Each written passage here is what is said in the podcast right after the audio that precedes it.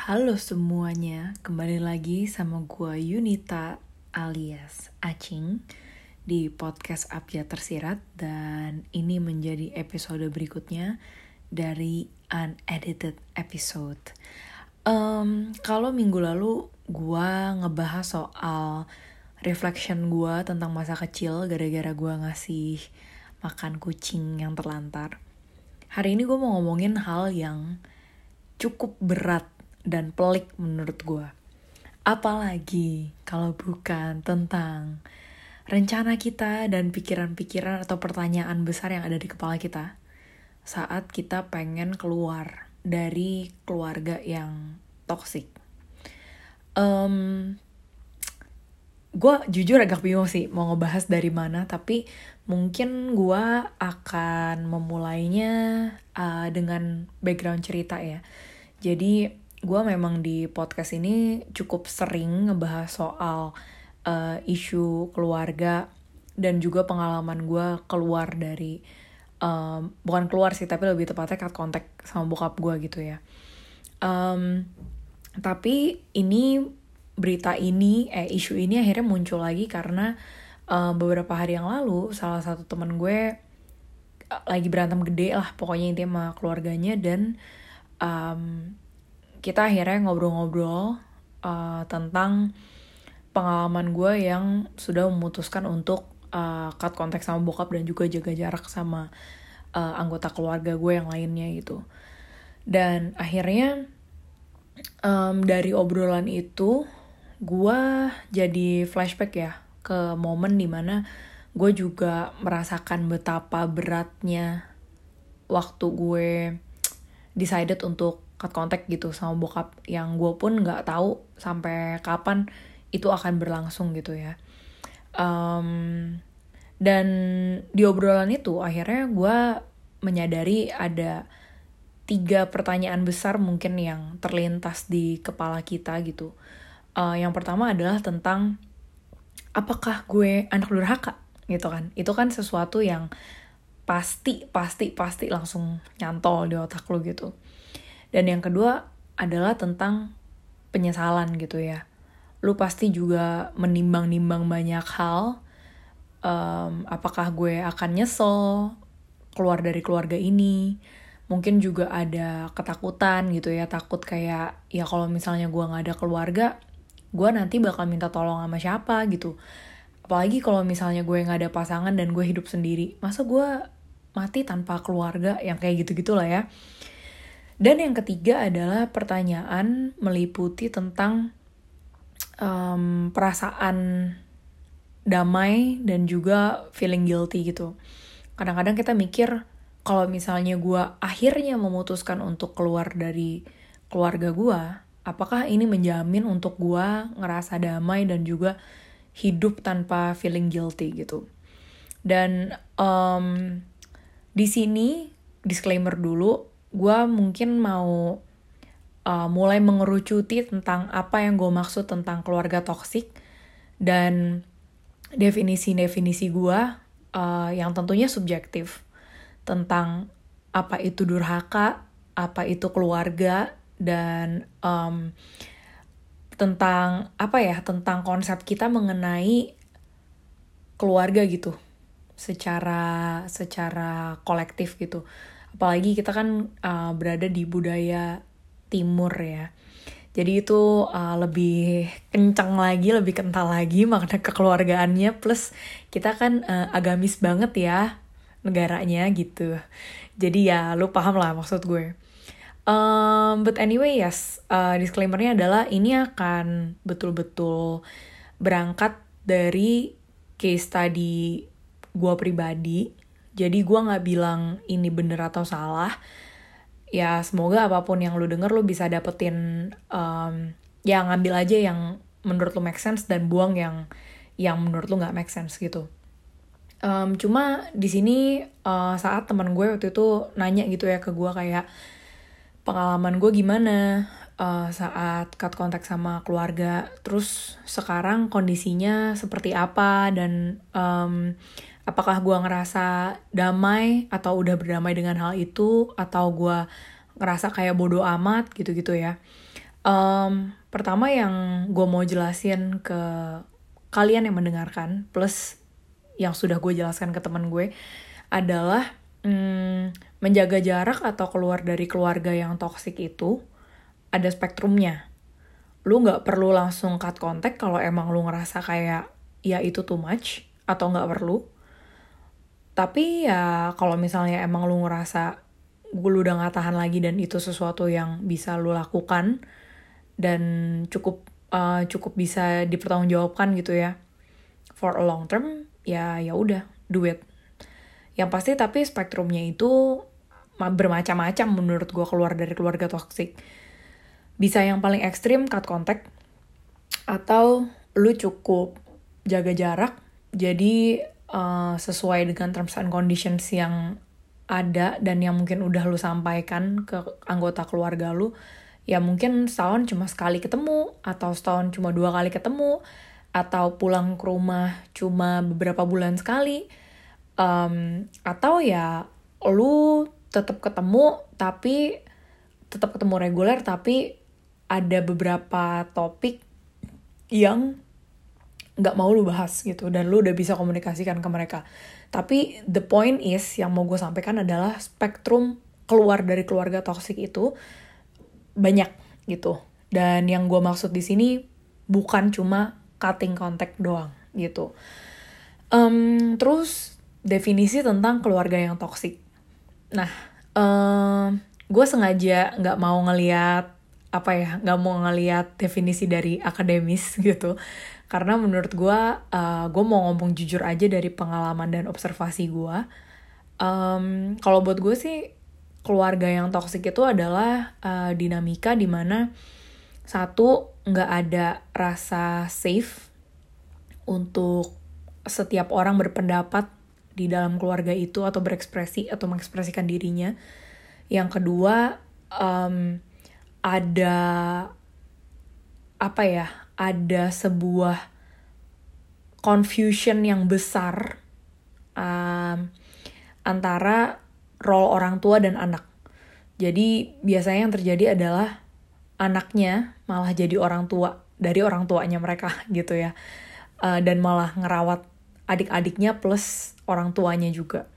Entah itu dalam segi materi gitu, yang biasanya mungkin kita sering dengar kasus-kasus sandwich generation ya mungkin atau um, yang tiba-tiba mendadak baru tahu bokap nyokapnya tuh punya utang gede banget dan uh, jadi anak ini yang kena gitu.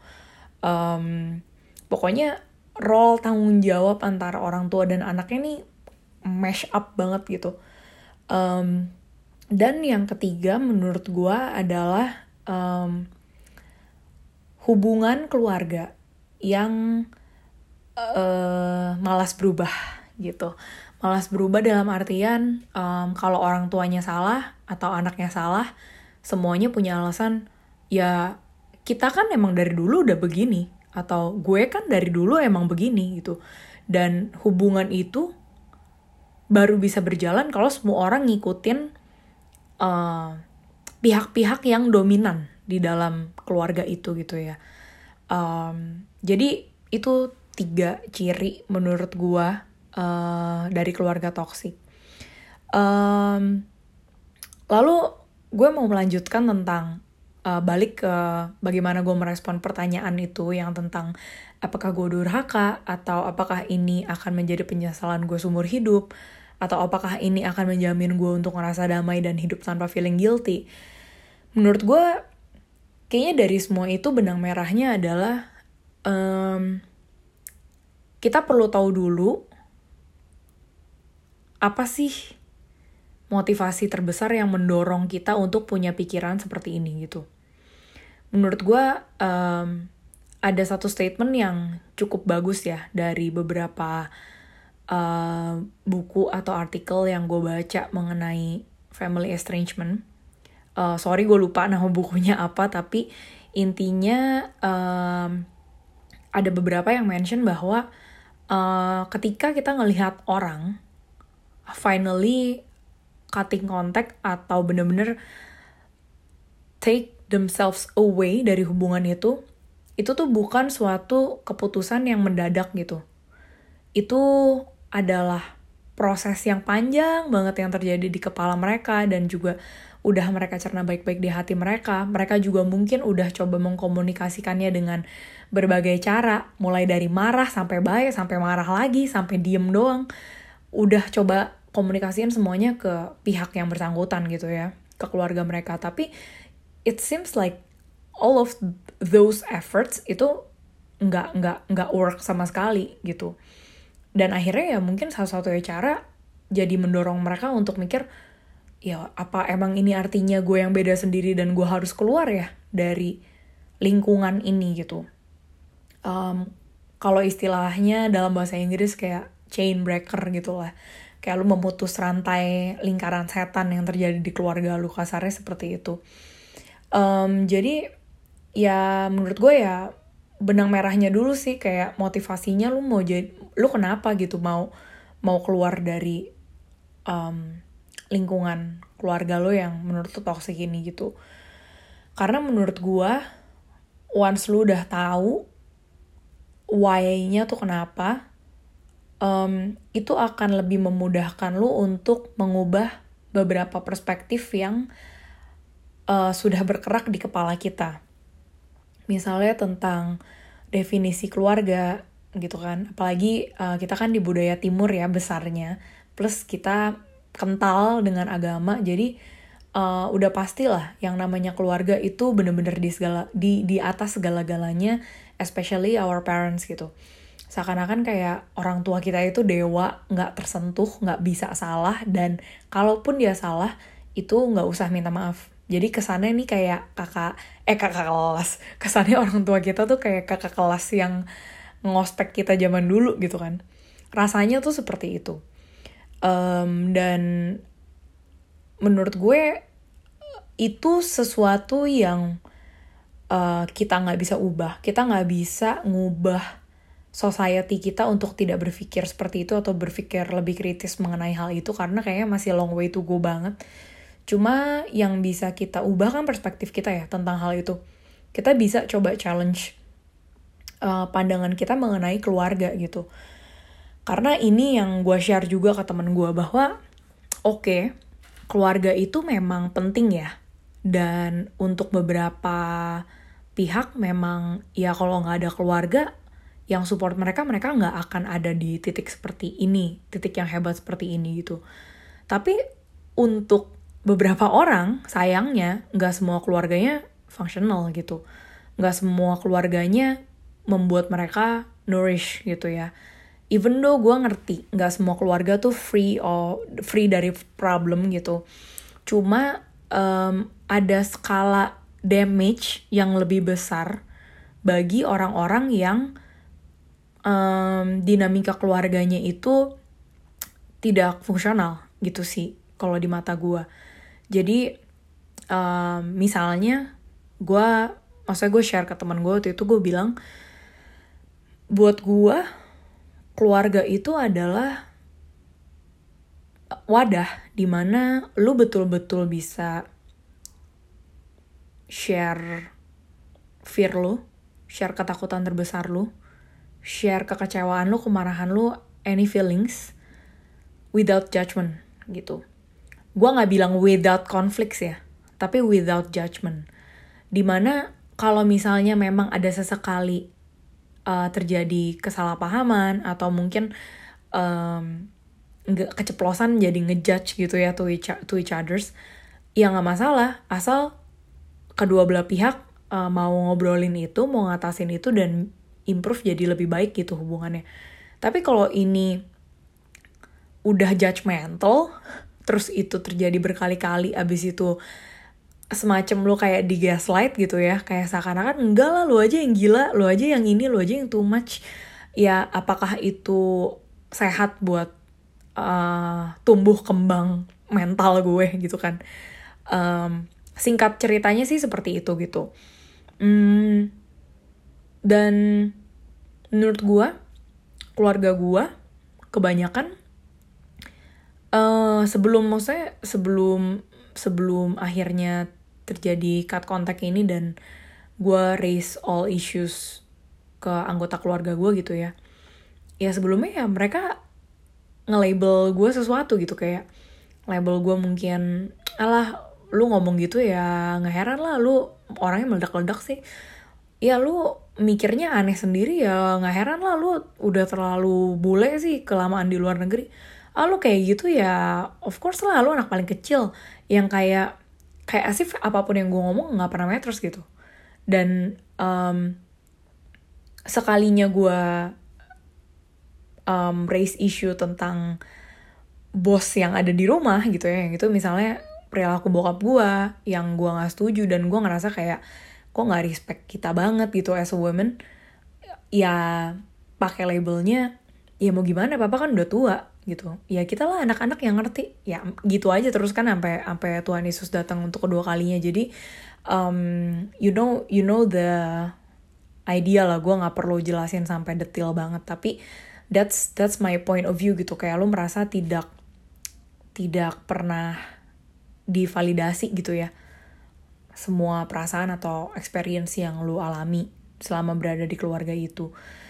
Dan kalau menurut lu keluarga adalah sesuatu yang nggak um, judgmental di mana lu ngerasa safe.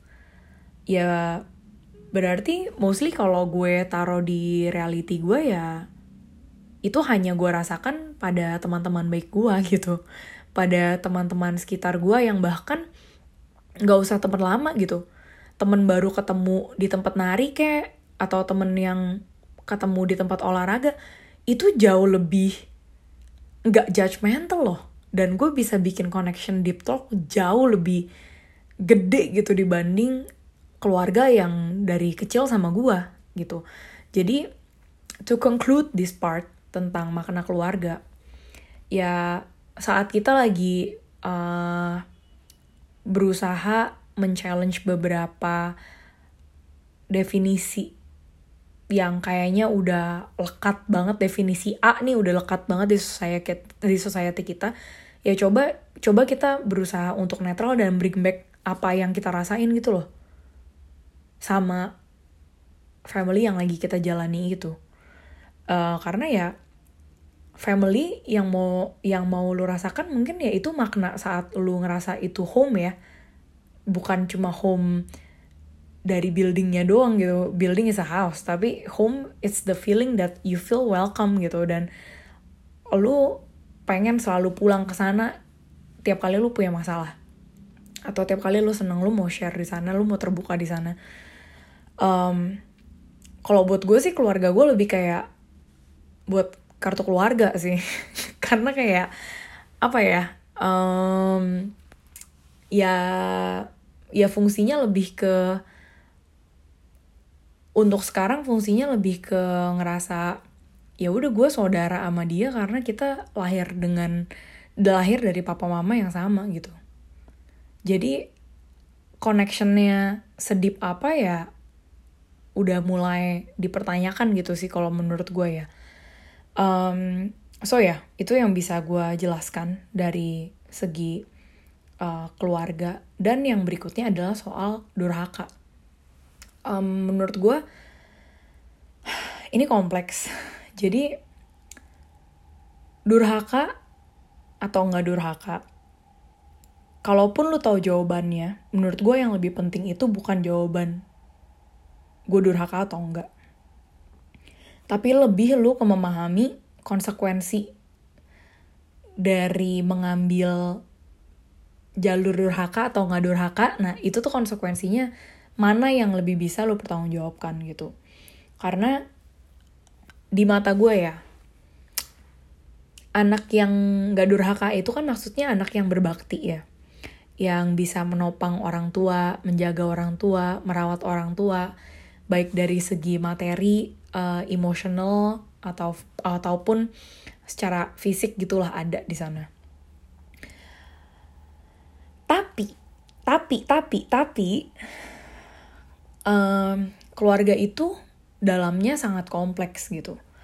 Kalau lu coba ngobrol secara dalam dengan teman-teman di sekitar lu, biasa yang bikin complicated itu salah satunya adalah soal duit dan uh, rantai bad parenting yang orang tua kita belum sadari gitu uh, bad parenting tuh kayak gue nggak bilang bad parenting deh maksudnya parenting yang tidak bijak gitu ya.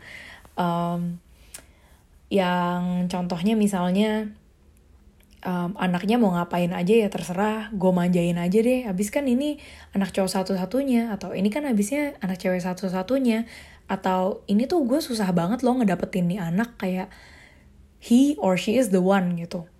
Um, yang kayak gitu-gitu kan kurang wise ya karena apa jadinya lu kalau dimanjain terus? What kind of persons what kind of person that you're gonna be gitu di society saat lu keluar dari rumah gitu kan.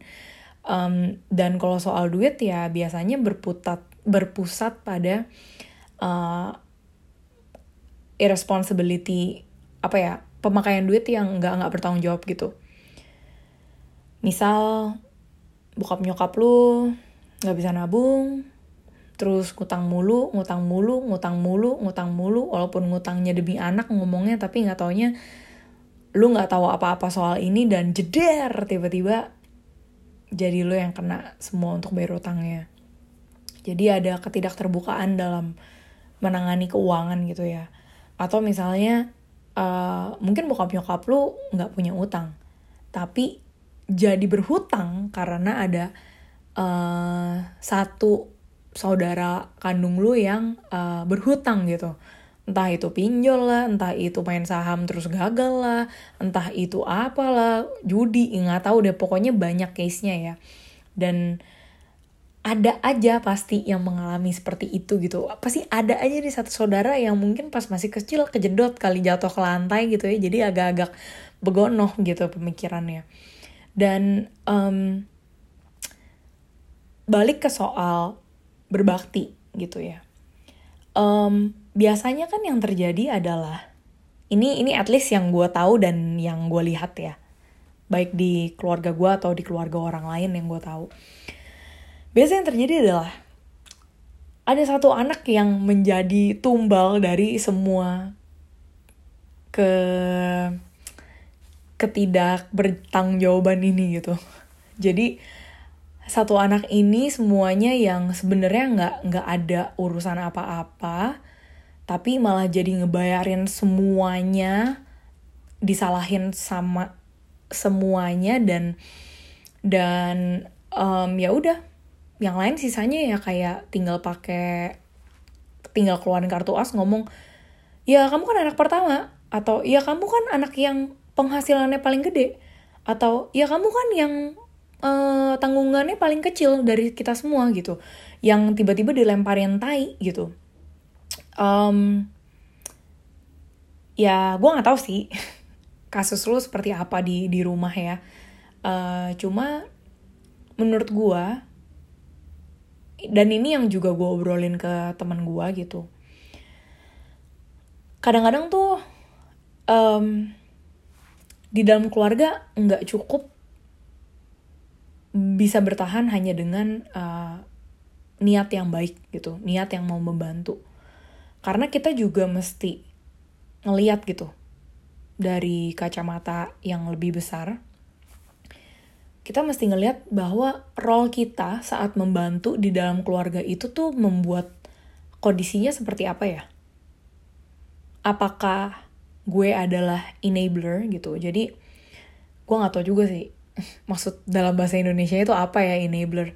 Tapi mungkin yang bikin situasi malah makin tidak membaik karena kita terus-terusan menolong gitu ya tanpa membuat suatu kesempatan atau ruang untuk pihak yang melakukan kesalahan tuh ambil konsekuensinya mereka sendiri gitu. Contoh gini misalnya. Misalnya lo punya saudara yang ngutang mulu kayak ngutang mulu ngutang sampai bapak malu juga nggak ada makanan gitu ya gara-gara ngebayarin utangnya mereka. Terus kan lu sebagai anak terlepas dari lu anak keberapa kalau lu emang punya duit lebih kan pasti lu akan chip it untuk bantuin saudara itu kan. Cuma pertanyaannya mau sampai kapan lu bantuin? Ya nggak bisa jadi kan kalau misalnya hatinya tersentuh oleh Tuhan yang Maha Esa ya mungkin bisa tiba-tiba tobat gitu ya. Dan menyadari bahwa anjing ya gue goblok ternyata ngerepotin keluarga gue oke okay, itu fine. Tapi in most cases mereka tidak akan bertobat karena mereka tahu mau utang berapa banyak pun ini akan dibayarin sama bapak emak gue atau sama keluarga gue karena kita kan keluarga, jadi ya kita harus saling menanggung beban bersama-sama dong. Ya itu kan formulanya ya biasanya. Um, cuma ya itu itu satu contohnya. Nah lu mau lu lu dalam kasus ini menolong, memang menolong yang lu lakukan itu baik, tapi secara gambaran besarnya lu itu sebenarnya menolong hanya untuk sementara apakah lu menolong hidup orang ini dalam jangka waktu yang panjang? Ya, menurut gue dipertanyakan ya gitu. Ini kayak kalau lu mau pakai analoginya orang narkoba, lu tahu nih orang lagi di rehab, terus mereka dia lagi sakau. Terus karena lu kayak, aduh gila nih kesian banget gue tolongin dia deh daripada dia sakau, lu kasih dia obat. Balik lagi nggak dia ngobat? Nangkep ya maksud gue? Maksud gue tuh di situ. Um, dan ini nggak cuma duit deh urusannya tapi bisa jadi misalnya urusannya dengan saudara lu yang uh, always have trouble with other people, punya masalah, maksudnya kayak public enemy, terus lu beresin mulu, dia mau ngapain juga lu beresin tainya dia, ya itu sesuatu yang maksudnya uh, punya banyak versi gitu di, di tiap family, tapi the point is balik ke durhaka atau berbakti gitu ya menurut gue akan lebih membantu kalau kita bisa ngelihat gambaran besarnya gitu. Role gue di sini kalau membantu itu beneran bisa membantu dan menyelesaikan keluarga ini keluar apa membantu keluarga ini keluar dari masalah atau ini malah gue ngebantu karena orang tua gue nggak bisa parenting. Kasarnya sih gitu ya. Atau gue ngebantu karena ya ya udah orang tua gue emang males aja berubah dari cara pikir dia soal uang. Jadi yang ngutang-ngutang ngutang-ngutang mulu terus jadi gue yang nanggung semuanya karena ya papa mama kan udah lahirin kamu kamu masih berbakti dong. Ya itu sih yang menurut gue lumayan bikin perdebatan ya. Um, karena gue ingat ada ada beberapa cerita dulu waktu gue buka sesi di sikat gitu di Instagram Story ada beberapa cerita yang ya ceritain bahwa mereka ini struggle dengan mentality keluarga atau orang tua atau mertua yang kayak gitu gitu yang kayak ngutang unlimited terus habis itu minta anaknya ngebayarin semuanya karena dengan alasan ya mama papa kan udah gedein kamu gitu. Ya berat kan? Gitu ya. Um, jadi itu um, soal durhaka atau berbakti. Hah, ya napas dulu kali ya kita kayak agak capek. Gue juga kayak sambil ngelihat poin-poin dari materi podcast yang pengen gue bikin. Um, terakhir, probably gue mau ngomongin soal uh, apakah ini akan jadi penyesalan terbesar gue, apakah ini uh, akan menjadi jaminan gue ngerasa damai, apakah gue akan nggak feeling guilty dan segala macamnya. Jadi ini lebih berurusan dengan uh, bagaimana lu menghadapi perasaan perasaan-perasaan yang nggak enak, yang mungkin muncul ketika lu memutuskan untuk uh, keluar dari keluarga lu yang toxic ini. Entah itu jaga jarak atau bener-bener cut kontak itu as I said before spektrumnya kan besar. Uh, menurut gua kalau buat gua sih balik lagi ke motivasi terbesar lu atau pelatuk terbesar lu tuh apa sih? Buat akhirnya punya pemikiran untuk keluar dari keluarga toxic ini gitu. Itu sih. Menurut gue balik ke situ lagi. Um, dan kalau lu tahu itu adalah jawaban sorry kalau lu tahu itu adalah yang lu lakukan ini adalah solusi terbaik. Walaupun itu juga tersulit di hidup lu ya mau nggak mau memang lakukan itu gitu jangan pikirin dulu ini akan bawa damai nggak ya ini akan bawa apa nggak ya ini akan bawa lala lele lolo nggak ya karena menurut gue yang namanya lu mau melakukan atau fight for yourself itu pasti rasanya kayak tai gitu. Kayak ini kasarnya mungkin analoginya kayak lu tahu nih lu kegendutan. Lu udah punya banyak masalah penyakit. Terus di one one of the ways yang paling bisa uh, lu lakukan adalah lu mulai berolahraga dan jaga makan lu yang bener gitu.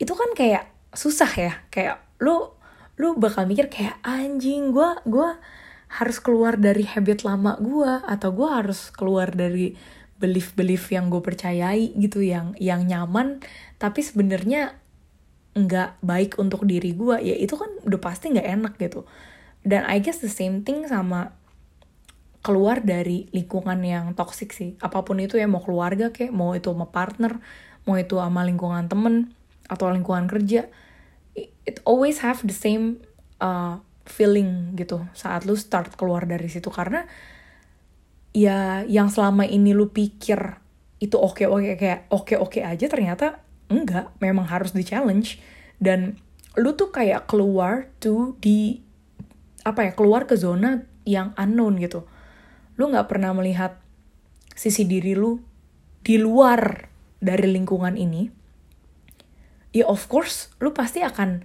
akan ada perasaan-perasaan yang kayak resah gitu ya gue bilangnya. Tapi apakah itu akan membawa kedamaian? Ya itu balik lagi ke lu sih definisi damai untuk lu tuh apa gitu. Apakah itu akan membawa ke penyesalan? Ya lagi-lagi itu juga balik ke lu definisi penyesalan tuh apa ya dalam hidup. Kalau buat gue sih penyesalan itu adalah kalau dalam hidup gue ya penyesalan itu adalah ketika gue saat udah mau mati di ranjang gue gitu ya detik-detik gue mati gue baru sadar bahwa anjir ini tuh hidup yang gue nggak pernah mau jalani loh kayak gue menjalani hidup hanya karena orang bilang begini orang bilang begitu. Gue menjalani hidup karena gue tidak nggak pernah mempertanyakan atau even challenge norma-norma yang selama ini gue percayai di society gue gitu. Ya itu sih menurut gue penyesalan terbesar ya kayak such a waste of your life gitu kalau gue end up mati seperti itu. Jadi ya tentu kalau dibalikin ke case apakah gue menyesal keluar dari um, lingkungan keluarga yang toksik ya untuk melihat dari segi itu sih gue tidak menyesal. Apakah nanti ke depannya ternyata gue sad baru sadar misalnya kayak oh my god ternyata papa mama aku maksudnya baik. Ya yang itu gue nggak tahu gitu kan. Ya namanya penyesalan ya lo nggak bisa kontrol. It can only it can only come and arrive in your head saat itu udah terjadi gitu ya kan ya kan makanya kan ada pepatah penyesalan datangnya belakangan. Ya karena begitu gitu. Emang lo nggak bisa duga-duga di depan. Jadi hah capek eh ngomongin keluarga tuh emang gak ada habisnya anjing. Jadi jadi jadi menurut gua um, poin penting yang harus lu ambil dari episode ini adalah satu apa motivasi terbesar lu untuk ada pikiran keluar dari lingkungan keluarga yang toksik. Yang kedua, role lu tuh di keluarga seperti apa dan uh, sebagai apa gitu ya. Apakah pertolongan lu sebagai anak tanda kutip berbakti akan betul-betul membawa keluarga ini keluar dari masalah? Atau ini nggak akan ada ujungnya gitu? Walaupun lu berperan sebagai anak yang berbakti banget banget banget banget itu itu role sih yang lu perlu pikirin dan yang terakhir adalah tentang um, makna keluarga sih buat lo um, karena di mata gue intention yang baik itu nggak cukup ya untuk bisa mempertahankan suatu hubungan. Hubungan apa pun itu nggak perlu cuma sama keluarga sama pasangan sama diri lu sendiri sama temen lu sama teman kerja lu gitu. Um, karena kalau setiap pihak nggak tahu limitnya mereka apa gitu ya limit limit dalam artian gue tuh bisa nolong sampai sejauh mana sih? Gue tuh bisa um, mentoleransi perilaku perilaku orang ini sejauh apa sih gue bisa um, apa ya gue bisa ngomong iya atau enggak sejauh apa sih di dalam hubungan ini. Nah kalau kalau itunya aja nggak jelas ya hubungannya akan chaos gitu kayak ya ini ini udah kayak rimba aja kayak yang satu cuma cuma mendominasi each other gitu ya. Yang biasanya terjadi di keluarga-keluarga yang mungkin cukup otoriter gitu jadi um, itu episode dari gue yang um, ya pembuka bulan Februari lah ya. Um, gue berharap untuk kalian yang mungkin mengalami isu ini, uh, please be sure that apa pun yang lo lakukan, kalau itu betul-betul untuk menghargai diri lu, menyelamatkan diri lu, baik uh, jiwa dan raga itu pasti akan dibukakan jalan dan pertolong-pertolongan yang lebih dari yang di atas gitu. Dari effort tuh untuk menghargai kehidupan lu. Dan kalau lu emang perlu support yang lebih gitu ya dalam menjalani proses ini please um, jangan ragu untuk minta pertolongan entah itu dari bantuan profesional atau entah itu dengan uh, menaruh teman-teman atau circle pertemanan yang suportif yang gak judgmental sama hal ini gitu. Karena ya in my case yang bikin gue survive ya dari support teman-teman sih gitu. Um, good luck kalau lo mau ngobrol sama gue lebih banyak soal hal ini please langsung reach out ke gue aja lewat direct, direct message di Instagram at. See you for the next episode and bye-bye.